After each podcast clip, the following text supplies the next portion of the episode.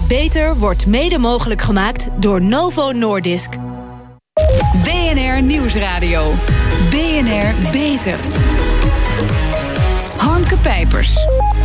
Virusinfecties worden van oudsher onderzocht met behulp van proefdieren. Maar vanwege de vele nadelen daarvan willen twee ambitieuze onderzoekers aan Amsterdam UMC, locatie AMC, de proefdieren vervangen door organoïden. En daarvoor hebben ze van de EU 4 miljoen euro subsidie gekregen. Welkom bij BNR Beter, het programma voor mensen die werken aan gezondheid. Die twee ambitieuze onderzoekers zijn vandaag bij mij te gast. Dasja Paikert, kinderarts, infectioloog, immunoloog en Katja Wolters, arts, microbioloog en viroloog. Ja, we tutoyeren, want we elkaar al eerder gesproken. Ja, bij dit internationale project spelen zogeheten organoïden dus een belangrijke rol. En dat is een uh, uit stamcellen, bijvoorbeeld uh, afkomstig uit de darm gekweekt mini-orgaantje. Dat precies zo functioneert en net zo reageert als de darm in het menselijk lichaam. Hans Klevers, geneticus Hans Klevers, slaagde er tien jaar geleden voor het eerst in om een stukje menselijk weefsel in het laboratorium in leven te houden en te laten groeien. Dat was destijds de revolutie en daar bouwen jullie nu op voort? Ja, dat klopt helemaal. Dat was voor ons echt een doorbraak, het werk van Klevers. En uh, uh, we werken niet alleen met proefdieren in de biologie, maar ook met cellijnen. En we dachten, oh kijk, als je nou echt een stukje mens kan kweken in het lab, dan zouden we wel een heel stuk verder zijn. Dus dat was eigenlijk het begin van, uh, van waar we nu zijn. Ja, ja en daarbij is het ook denk ik Dasha, zo dat, ja. dat, dat, dat een heleboel cellijn en proefdieren, uh, zeg maar resultaten die uit voortkomen, die heel slecht te vertalen zijn naar de mens. Dus je hebt ja. daar in feite heel erg weinig aan. Uh, dus dat brengt de wetenschap niet verder. En dat brengt uiteindelijk ook uh, is het niet goed voor de patiënt. Ja, nee, maar jullie met, met die organoïden gaan jullie dus onderzoek doen naar virusinfecties. Nou, daar zijn er vrij veel van. Vertel, aan wat voor ziekten moet ik dan denken? Wij werken aan, uh, aan een speciale virusgroep, want we kunnen niet aan alle virussen werken, nee. want er zijn heel veel virussen. Wij werken aan de groep, uh, de meest bekend is poliovirus. Nou, polio is de wereld uit, maar er zijn nog een heleboel neefjes en nichtjes van polio. En daar worden kleine kinderen ziek van. En dan moet je bijvoorbeeld denken aan, uh, ja, wij noemen dat dan septisch zieke baby's. Ja, ja. maar ook bijvoorbeeld hersenontsteking bij kleine kinderen kan door de virusgroep die wij onderzoeken ontstaan. het gekke is alleen dat sommige kinderen er heel ziek van worden en andere kinderen niet. En volwassenen ook niet zo heel erg. En dat is de vraag die ons continu bezighoudt. Ja, ja dus door het heel erg eenvoudig namaken van een een orgaan in de mens, dus bijvoorbeeld de hersenen ja. of een darm, kunnen wij heel erg goed bestuderen in een menselijke setting. Het is natuurlijk niet compleet, maar het is een model, een menselijk model, hoe zo'n bepaald virus zou werken. Want een heleboel virussen die zijn helemaal niet werkzaam in proefdieren. Ja. Het zijn zogenaamde menselijke virussen. Dus het heeft ook niet zoveel zin om wat in diermodellen te onderzoeken. Ja, dit is de stem van Dasha, dames en heren. Want ja, ze onderzoeken samen met elkaar. Er is vriendschap, uh, trekken met elkaar op. Dus uh, er wordt niks verdeeld hier. Ze vullen elkaar gewoon vanzelf aan. En de Anja, andere is dus Katja. Ja, want het werken met organoïden is vorig jaar door het toonaangevende blad Nature uitgeroepen tot methode van het jaar. Dat is hartstikke mooi. Maar er zijn dus critici die zeggen dat organoïden, die omdat ze nu eenmaal niet meer in de mens zitten, maar in een uh, petrischaaltje in een laboratorium verblijven, dat ze niet meer zo precies reageren als een echt orgaan. Is dat zo, Katja? Nou ja, uh, organoïden zijn nog niet complete orgaantjes. Nee. We, we, noemen het mini-orgaantjes, dat is niet helemaal correct. Um, er zitten bijvoorbeeld geen bloedvaatjes in en er zitten ook nog geen zenuwen in. Um, uh, ik denk dat het wel heel accuraat, heel precies weergeeft, het stukje menselijk weefsel waar het uit voortkomt. Dus het is echt wel het allerbeste wat we nu hebben. Ja. En wij denken dat dat veel beter is en veel beter uh, laat zien wat er in de mens gebeurt dan bijvoorbeeld proefdieronderzoek met virussen. Ja, want dat proefdieronderzoek, je zei het al even, die, die resultaten zijn eigenlijk gewoon ronduit slecht. Uh, ja, vertel waarom, want nou, de meeste resultaten die voortkomen uit uh, proefdiemodellen zijn heel erg slecht te vertalen naar de mens. Ja. Dus bijvoorbeeld een heel erg mooi, mooi uh, voorbeeld daarvan is het in het, in het HIV-veld, waar ik ook erg actief ben. De hm. vertaalslag van proefdieren naar de mens is bijzonder slecht. En is volgens nog helemaal geen genezing of een, een, een uitzicht op genezing daarin. En vroeger deed men ontzettend veel proefdiermodellen.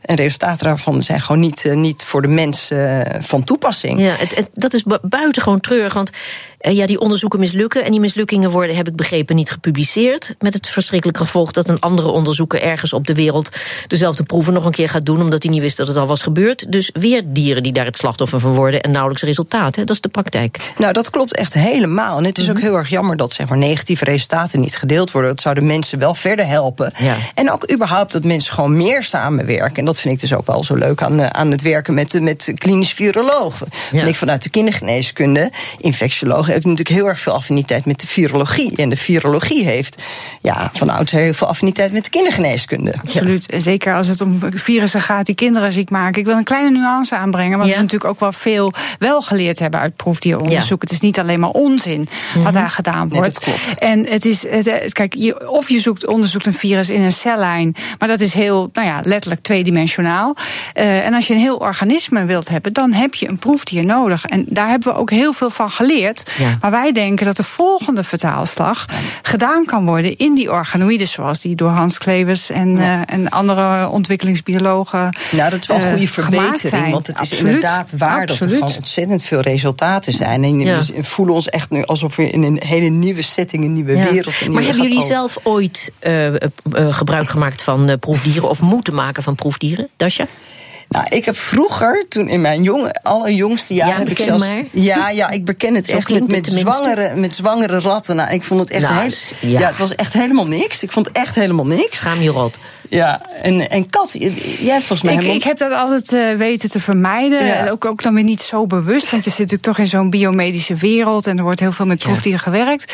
Uh, ik heb uh, gelukkig altijd ja, gewerkt met bijvoorbeeld immunologen die heel erg gericht waren op hoe bestuderen we HIV, want daar ben ik begonnen, in mm -hmm. een menselijk model, in menselijke immuuncellen. En dat heeft mij ook heel erg geïnspireerd. En, en ook de, de creativiteit die nodig is om na te denken over hoe je een virusinfectie in menselijke cellen of in een menselijk model zou willen gaan bestuderen.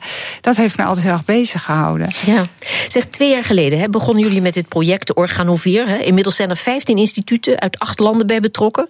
Ja, aan wat voor instituten moet ik dan denken? Nou, we hebben heel erg goed nagedacht hoe we een zogenaamd consortium bij elkaar zouden kunnen krijgen. Mm -hmm. En uh, er zijn allerlei verschillende sectoren in vertegenwoordigd. Zo is de academische sector er. Er zijn op mijn hoofd vijf uh, universiteiten verbonden uit allerlei Europese landen. Um, Polen, Denemarken, België. Maar ook commerciële partners zijn, uh, zijn aangesloten bij ons. Mm -hmm. ook uh, ja, non-governmental institutions, zoals de RIVM en ja. het Hubrecht Instituut en de Stichting Proefdiervrij, als een, als een, uh, ja, een publieke uh, sector vertegenwoordigd. Dus we zijn eigenlijk heel erg blij dat eigenlijk van alle gelederen. Ik vergeet eigenlijk nog een hele belangrijke, dat is de Amsterdam Business School, waarvan je in eerste ja, instantie denkt: wat, wat heeft die nou met organoïden? Maar we proberen het organoïd onderzoek voor virussen van allerlei verschillende kanten te bestuderen. Dus gebruik maken van elkaars expertise en know-how. En niet denken van ik weet alles. Nee, waar kan ik gewoon alle kennis bij elkaar vergaren om tot, tot, een, ja, tot, tot goede resultaten te komen ja. waar de patiënt wat aan heeft. 4 miljoen euro hebben jullie gekregen. Hè? Ja. Als je al die instituties noemt, dan lijkt me dat eigenlijk nog weinig als je dat over al die partijen uit gaat smeren. Maar het liep ook al eerder, want je noemde het al uh, proefdiervrij. Die zijn natuurlijk ook hartstikke blij met jullie. Heeft dat ja. veel geld opgeleverd? Nou, veel geld. Het heeft geld opgeleverd. Ja. Mensen hebben daar, hebben daar uh, op een ontzettend goede manier aan gedoneerd. Het heeft uh, ook heel veel uh, ja, positieve reacties opgeleverd. Dus je komt opeens in een heel ander circuit waar wij normaal ja. ons niet zo in begeven. Dus je komt een klein beetje uit je ivoren toren. En, en je legt je onderzoek uit. En mensen raken er enthousiast over. En dat ze daar dan geld voor willen geven, dat is echt fantastisch. Dat is voor ons een heel nieuwe ervaring. Ja, een van de 15 instituten waar jullie is Charles River, een bedrijf waar proefdieren worden gefokt. Um, hoe is dat zo gekomen dat jullie met zo'n instituut, tot voor kort wellicht de vijand, of misschien heb ik het mis, dat jullie daarmee in zee gaan? Ja, nou, wij zijn echt ontzettend blij met deze samenwerking. We zien dat echt een verrijking van het consortium. Zij, ja. zij leren ons heel erg veel. Um, wij zien het als een, als een, alleen maar als een aanvulling en er zit echt niets negatiefs aan. En uh, zij willen graag van de proefdieren af, hun verdienmodel per slotverrekening? Nou, weet je, je moet het zo zien. Er zijn onderzoeksvragen die je gewoon niet met proefdieren kunt beantwoorden. Ja, dat ja. zien zij ook. Ja. Dus dat, dat, en wat dat betreft uh, kijken zij inderdaad verder dan, uh, dan wat, wat, wat, ze gewend zijn te doen. Ja. Dus en, en maakt die samenwerking het, het misschien ook makkelijker om onderzoekers die met proefdieren werken ervan te overtuigen dat het ook anders kan of anders moet? Want ik heb wel begrepen dat heel veel onderzoekers de neiging hebben om vast te houden aan de hem bekende methode. Hè? Ik, vind het, ik vind het heel stimulerend dat zo'n bedrijf als Charles River kennelijk wel uh, toekomstmuziek ziet in zo'n nog wel op te zetten uh, techniek. Ja. Uh, terwijl er veel onderzoekers wat terughoudender zijn. dat merken wij echt. En ik denk ook dat hele... En, en ja, en, en, bovendien is het de norm. He, je moet onderzoek op proefdieren doen voordat je iets naar de markt kunt brengen. ja en dat weet Charles Ribbon natuurlijk ook. Maar zij zien vooral kennelijk uh, toepassingen in dat hele voortraject. En, en we, we, zien dat de industrie eh, makkelijker die stap maakt dan, de, dan het traditionele virusonderzoek. Ja, dat is onze ervaring nu. Ja, maar het klopt. Investeerders die baseren eigenlijk hun investering alleen maar op grond van positieve proefdierresultaten. en niet op grond van andere resultaten, wat heel vreemd is. Dus wij willen eigenlijk een beetje een hele andere kijk creëren en mensen gewoon bewust maken van je kan ook op een andere manier je punt maken, je onderzoeksvraag beantwoorden.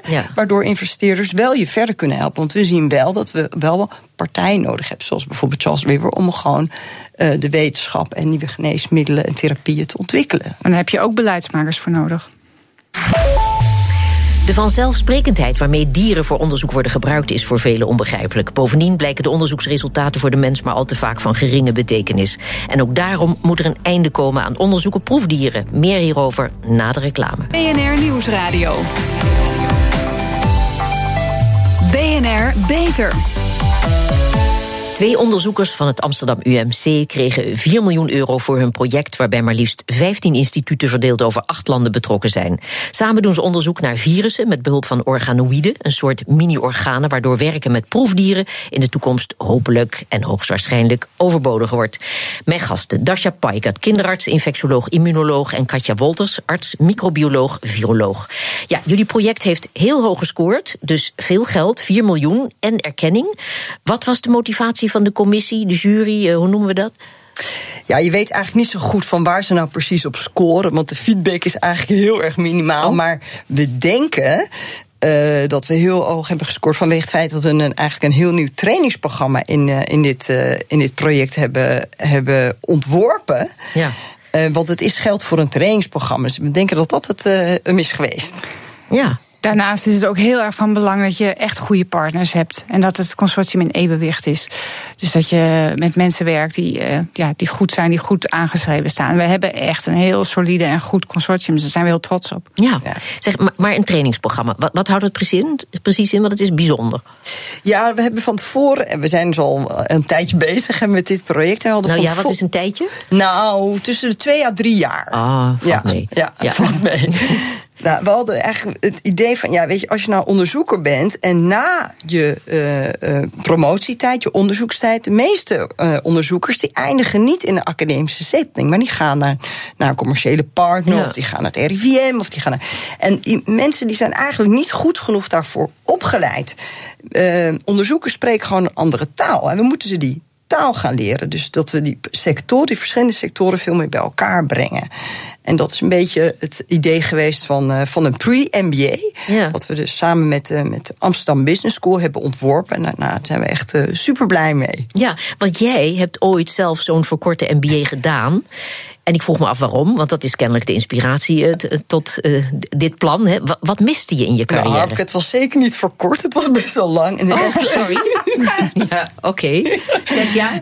Nee, niet zes jaar, maar het was echt. Het was, nou, ik, ik, ik, ik, ik vond de manier van denken uh, heel erg een eye-opener nadat ik een MBA heb gedaan. Dus je, kijkt gewoon naar op een andere manier uh, naar dingen uh, die je dagelijks doet. En je benadert mensen anders. En, nou, en ik weet, Katja, die is daar. Wij, kunnen elkaar, wij voelen elkaar heel erg goed aan. En. Wij, wij, wij, ja, wij, wij, hebben wel gemerkt dat ook Katje bijvoorbeeld daar heel erg voor open staat. Dus je moet op een bepaalde manier niet alleen maar autistisch in het laboratorium zitten te Maar je moet ook proberen, als je dan een goed resultaat hebt, om dat naar buiten te brengen. En dan te kijken of je dat gewoon met bijvoorbeeld een commerciële partner verder uh, uit, kan, uh, uit kan dragen. Autistisch te zitten pipeteren, dat moet toch verschrikkelijk zijn? Nou ja, het is voor, het is voor ons wetenschappers niet altijd makkelijk. Ook, het is, ja, het is, het is weet je, ja, je bent vaak goed in, in je onderzoek doen, maar om dat ook te vertalen naar iets wat voor andere mensen begrijpelijk en ook interessant genoeg is om over te vertellen, dat is nog wel een vak apart. En dat, dat leer je niet. Je, je bent heel erg als jonge onderzoeker bezig om je onderzoeksresultaten naar buiten binnen je eigen wetenschappelijke wereld te brengen. En dat kost al moeite genoeg. Mhm. Laat staan dat je dan ook nog een keer over je onderzoek moet gaan vertellen, uh, vertellen bijvoorbeeld in een radioprogramma. Dat is voor mensen helemaal niet. ja, maar, in, maar, dat, ook al best wel maar dat is wel een van de problemen. Het feit dat de wetenschap zich te weinig bezighoudt met hoe de onderzoeksresultaten onder de aandacht moeten worden gebracht. En dat de focus uh, toch heel erg ligt op publicatie. Uh, en, en te weinig op, op wat er met de beschreven uitkomsten moet gaan gebeuren. Staren. Je moet gewoon out in die open. En uh, de taal spreken die, die voor iedereen te begrijpen is. niet alleen maar voor, voor hardcore wetenschappers die hè, autistisch in de lab zitten piepteren. Ja, maar er moet inderdaad er moet ook waardering zijn. Inderdaad, die publicatiedwang is heel hoog. En die, die wordt ook als zodanig ervaren. En het feit of je wel of niet naar buiten treedt, het wordt wel steeds belangrijker. En allerlei mhm. aanvragen ook. En in zo'n EU-aanvraag ook. Daar wordt echt naar gekeken. Ja, je, je kan er niet helemaal buiten. Absoluut niet. Dat gaat te ver. Zeg, veel mensen die willen natuurlijk dolgraag dat er een alternatief komt hè, voor dierproeven. Maar ook aan onderzoek op organoïden, uh, las ik, zitten ethische aspecten. Uh, ja, waar moet ik dan aan denken? Ja, je zou het niet zo 1, 2, 3 bedenken, maar bijvoorbeeld uh, in, ons, in ons project gaan we ook met hersenorganoïden werken. Ja. Dus dat betekent dat je vanuit stamcellen, uh, neuronale stamcellen, probeert uh, verschillende ja, hersenstructuren te maken. En het kan zomaar zo zijn, dat is nu nog niet aan de orde hoor, maar het kan zomaar zijn dat een, een mini-orgaan, een mini-hersenorgaan, opeens een geweten krijgt. Dus er zijn onderzoeksgroepen die hier ook naar ja. kijken. En binnen ons consortium, een consortium hebben wij ook ook één AJO die specifiek naar deze ethische kant, kanten van organoïden kijkt. En maar, maar hoe dan? Want je kan zo'n ja, zo'n hersentje ligt daar dan met een geweten in het, in het lab, in een schaaltje. Je kan hem moeilijk interviewen. ja, dan moet je me ook nog uh, spraak geven. Maar dat, nee, maar, nee, dat, nee, ja, dat is misschien gewoon wat daal in ja. mijn hoofd. Ja, ja, zo, zover is het denk ik ook nog niet.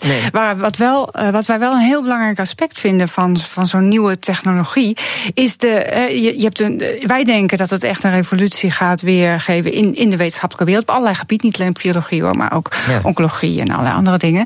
Maar ja, hoe, hoe gaat dat dan in de samenleving? Hoe kijken mensen tegen zo'n techniek aan? Uh, he, proefdieren vinden mensen niet prettig, maar het afstaan van weefsel om zo'n organoïde te maken, hoe, hoe denken mensen daar dan over? Ja. Dat zijn ook aspecten waar we naar willen kijken. Zeg, en, en ik neem aan dat er ook belangstelling is vanuit de geneesmiddelenindustrie, waar iedereen zo vreselijk veel kritiek op heeft, maar ook zit te wachten op de uitkomsten en dan graag tegen een acceptabel tarief. Is er al perspectief uh, op, op samenwerking? Ja, nee, zeker. We hebben in aansluiting op Organovier zijn er ook uh, uh, samenwerkingsinitiatieven ontplooid. Dat is nu al gebeurd, voordat mm. eigenlijk het project is gestart. Ja, ja. En deze organoïden die lenen zich natuurlijk bij uitstek om bepaalde nieuwe uh, therapeutische strategieën gewoon uit te testen. Wat dus veel ja, effectiever werkt dan, dan via cellijnen of diermodellen. Dus ja. het antwoord is volmondig ja. Dus okay. zeker perspectieven. Ja, het is 2018, hè? twee vrouwen aan de top. Dat is de normaalste zaak van de wereld. Althans, dat zou het moeten zijn. Maar is dat ook echt zo? Of uh, moeten jullie nog een beetje vechten? Nou, vechten niet echt, maar. Ja. Nou ja, houden jullie je er bewust mee bezig? Moet je je er bewust mee bezig houden? Ja, dat doen we wel. Ja, ja zeker wel. Ja, ja wij, wij, zorgen bijvoorbeeld dat zo'n consortium uh, dat dat gebalanceerd wordt. He, dat, ja, dat er voldoende input is ook vanuit de vrouwelijke hoek. En dat, daar hechten wij zelf ook erg waarde aan. Mm Dus bij een spreker die we uitnodigen voor een symposium, dan kijken we altijd: is het een man of een vrouw? Uh, wat doet hij? Dus dat, dat, dat, ja, dat, dat moet wel uitgebalanceerd zijn. Want het is zeker niet normaal dat. Uh, dat het uh, voor vrouwen even makkelijk is als voor mannen. Ja, ja. Is het zelf ook ondervonden in je carrière? Of willen we het daar nu niet over hebben? Dat is, Laten we het altijd lastige dingen om mee naar buiten te komen. Ja, zeker. He, het is altijd een balans van wat je zelf doet en waar je tegenaan loopt. Wij willen uh, dat mensen zich ervan bewust worden. Dat bijvoorbeeld een, een wat men dan een all-male panel noemt... In, ja. in, in, een symposium of in een congres... dat wij dat anno 2018 echt niet meer acceptabel vinden. Mm -hmm. daar, daar hoort een gender balance in. Ja. Uh, zeg, en, en, maar was dat ook een van de redenen... waarom jullie zo'n hoge score hebben gehaald in Brussel? Ja, dat vraag ik dan, maar ze zeggen zeggen niet wat de overwegingen waren, dus dat antwoord komt niet? Uh, ja, er staan allemaal keurige passages in over gender balance. In oh, de praktijk, ja. In de praktijk zien wij oh, okay. dat niet alle consortia daar even hard op afgerekend worden. Mm -hmm. Dus ik denk ook niet dat dat uh, ons succes nu verklaart. Ik denk dat dat op een ander vlak ligt. Die passages die moeten er kennelijk in, maar mensen presteren toch nog steeds om een all-male consortium neer te zetten. En worden daar dan ook niet op afgerekend, omdat kennelijk de kwaliteit dan wel als belangrijker wordt gezien dan het niet kunnen voldoen aan een gender balance. Ja. Wat wij zeg, niet snappen. Dit project loopt nu vier jaar. Hè? Um, het ziet er allemaal prachtig uit. Nog even een, een fijne droomvraag tot slot. Wanneer hebben we een proefdiervrije wereld? Wanneer zal het zover zijn? Nou, de organoïden aan zich nu zijn nog vrij eenvoudig en mm -hmm. helemaal niet complex. Hè. Dus je mist allemaal structuren, uh, bloedvaten, immuuncellen, et cetera, et cetera. Dus het zal nog wel even een paar jaar duren, maar nou over een jaartje of tien denk ik dat we echt heel erg ver zijn. Ik vind het ja. moeilijk. Het is, we, hopen, we hopen dat dit bijdraagt aan proefdiervervangende methodes en betere uitkomsten in het virologisch onderzoek. En uh, ja, wie zal het zeggen? Dat is zo moeilijk te voorspellen. Mag ik u dan vast mede, uh, dankzij alle, uh, namens alle dieren, bedanken? Nee hoor, alle gekheid op een stokje. Het is fantastisch nieuws. Ik bedoel, iedereen is daar blij mee. Geweldig, veel succes en hartelijk dank dat jullie hier waren. Dasje Park, het kinderarts, infectioloog, immunoloog... en Katja Wolters, arts, microbioloog en viroloog. Pioniers in de zorg. Onze zorgredactie speurt naar interessante medische innovaties... binnen en buiten de muren van de universiteit. Waar werken ze aan en wat moeten wij hierover weten? Esther Jansen, vandaag gaat het over de vraag... hoe een traumapatiënt samen met zijn dokter de beste behandeling kan kiezen. Vertel. Ja, want een ongeluk kan natuurlijk grote gevolgen hebben voor de patiënt... maar niet alleen lichamelijke, maar ook psychische en sociale. Daarom vinden veel artsen het belangrijk om samen met hun patiënt... over de behandeling te beslissen. Maar omdat het in de praktijk vaak lastig blijkt... om samen het gesprek aan te gaan... wordt er nu een online tool ontwikkeld. En, en gaat het hier om een, een, landelijk project? Nee, nog niet. Het Elisabeth II Steden ziekenhuis in Tilburg ontwikkelt nu deze tool... waarmee patiënten zich beter kunnen voorbereiden op het gesprek met een behandelaar. En Zorginstituut Nederland heeft het ziekenhuis nu 600.000 euro subsidie toegekend. Het gaat om een tweejarig project waar, waarin het ziekenhuis samenwerkt... met een aantal andere ziekenhuizen en organisaties... En ook patiënten worden betrokken bij het ontwikkelen van de online keuzehulp. En waarom is het zo belangrijk voor een patiënt en voor een arts... om samen te beslissen over zo'n behandeling na een trauma? Ja, je zou denken, in principe weet een arts gewoon het beste wat goed is voor de patiënt. Daarom stelde ik deze vraag ook aan Mariska de Jong... klinisch epidemioloog bij het Elisabeth II Steden ziekenhuis... Zij leidt het project samen met traumachirurg Koen Lansing. En zij vertelde mij dat je als patiënt soms voor bepaalde keuzes staat. Qua behandeling, eh, een operatie om snel weer op de been te zijn... of een wat langzamer revalidatieproces bijvoorbeeld. En dan is geen patiënt hetzelfde natuurlijk. Voor topsport is het belangrijk om zo snel mogelijk weer uh, op hoog niveau te sporten. Dus daar ben je misschien wat agressiever in de behandeling. En voor iemand anders is het uiteindelijk belangrijk dat op de lange termijn het effect gewoon uh, zo groot mogelijk is. Dat zou een keuze kunnen zijn. Dat, dat is voor iedereen anders. Dat is echt sterk afhankelijk van wat de patiënt zelf belangrijk vindt. Um, en daar kom je achter door ook met elkaar in gesprek te gaan.